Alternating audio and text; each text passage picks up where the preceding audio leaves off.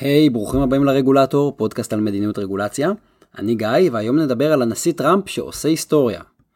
ב-30 לינואר 2017, הנשיא טראמפ ביצע את אחד המהלכים המשמעותיים של השנים האחרונות במדיניות רגולציה בארצות הברית. טראמפ חתם על הצו הנשיאותי מספר 13771, שיוצר שורה של רפורמות ברגולציה. המהלך של טראמפ דרמטי, גם בגלל התוכן של הצו, אבל גם מכיוון שעברו כמעט 25 שנים מאז שנשיא אמריקאי עשה מהלך בכזה סדר גודל. הצו הנשיאותי האחרון בתחום מדיניות הרגולציה עם כזו השפעה נחתם ב-1993 על ידי הנשיא קלינטון.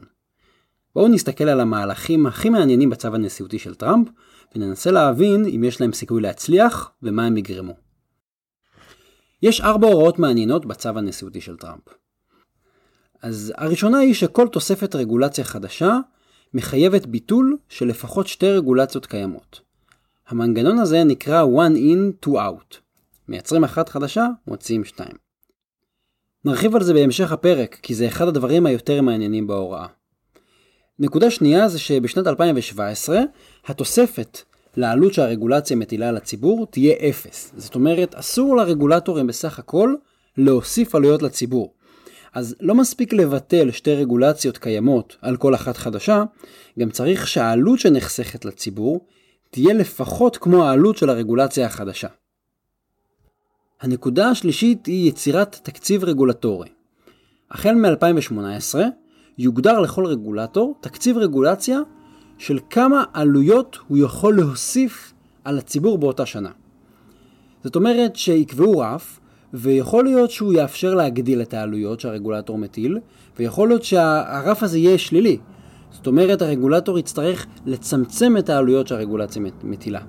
זה נקרא באנגלית רגולטורי budget, הרעיון הוא לחשוב על רגולציה כמו על תקציב. אז כמו שלכל סוכנות יש תקציב של כסף שהיא יכולה להוציא, והתקציב הזה מוגבל, טראמפ רוצה להגדיר לכל סוכנות תקציב רגולטורי, כמה כסף של הציבור היא יכולה לבזבז. כי רגולציה בעצם מחייבת את הציבור לעשות כל מיני דברים, ולחובות האלה יש עלויות, עלויות ציות.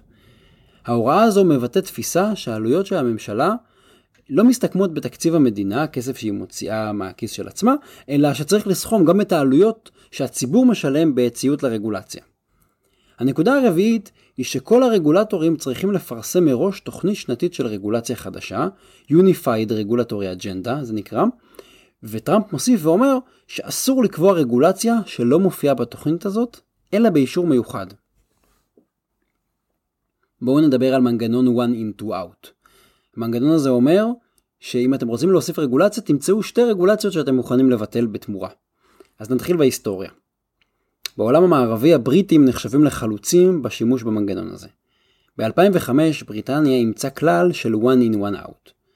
המנגנון הזה דחף לאיזון, כי על כל רגולציה חדשה צריך להוציא רגולציה ישנה. זה מין מודרניזציה כזאת. אבל עם הזמן הם עדכנו את הכלל ל-one in 2 out ובהמשך אפילו ל-one in 3 out. תחשבו על זה, אני רוצה רגולציה חדשה, אני צריך למצוא שלוש רגולציות שאני מוכן לבטל. בעצם הבריטים הפכו את המנגנון הזה ליותר ויותר אגרסיבי. ואחד הדברים שאפשר ללמוד מהבריטים, מהניסיון שלהם, זה שבמקום לספור רגולציות, עדיף לספור כסף, להתמקד בעלויות של הרגולציה. חלק מהרגולטורים הבריטים עקפו את הכלל הזה באמצעות ביטול רגולציות עתיקות ולא רלוונטיות. תזכרו שלבריטניה יש כמה מאות שנים של חקיקה ורגולציה. אז הם ביטלו כל מיני חוקים על אבירים ומכשפות ומתי מותר לירות בחץ וקשת. וזה מראה שהעיקר הוא לא מספר הרגולציות, אלא כמה כסף הרגולציה מטילה.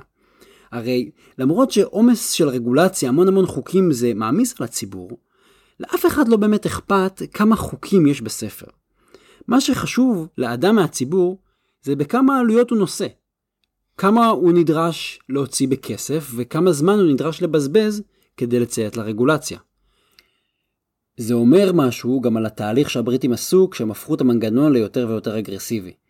כשהם עברו מ-one in one out ל-one in two out, בסוף ל-one in three out, הם בעצם אמרו שעל כל שקל או על כל פאונד שמוסיפים בעלויות לציבור, צריך לצמצם שלושה פאונד. זה בעצם רפורמה שאומרת, כשאתם מייצרים רגולציה חדשה, אתם מפחיתים מסך כל העלויות. זה מחייב צמצום הרבה הרבה יותר מעמיק כשהמנגנון הזה אגרסיבי. אז טראמפ עשה משהו דומה, אבל הוא קצת יותר מסובך. הוא קבע כלל של one in two out על מספר הרגולציות, על החוקים עצמם, על המסמכים, ובהוראה נפרדת הוא מדבר על תקציב רגולטורי, שבעצם סופר כמה עלויות התווספו מול כמה עלויות בוטלו, ואז שם הוא יכול לעשות צמצום. זה קצת מבלבל, הוא מחבר פה שני דברים. לדעתי המנגנון הבריטי יותר פשוט ויותר אלגנטי מהצו של טראמפ. ככל שרפורמה יותר גדולה, כך קטנים הסיכויים שלה להצליח. אחת הסיבות שרפורמות רגולטוריות נכשלות, זה שמשתמשים יותר מדי בפטורים ובהחרגות. גם בבריטניה וגם הצו של טראמפ קבעו כל מיני פטורים לרגולציות מהחובות האלה. מחקר שנעשה בבריטניה מצא ש-42% מהרגולציות שנוצרו ב-2011 קיבלו פטור.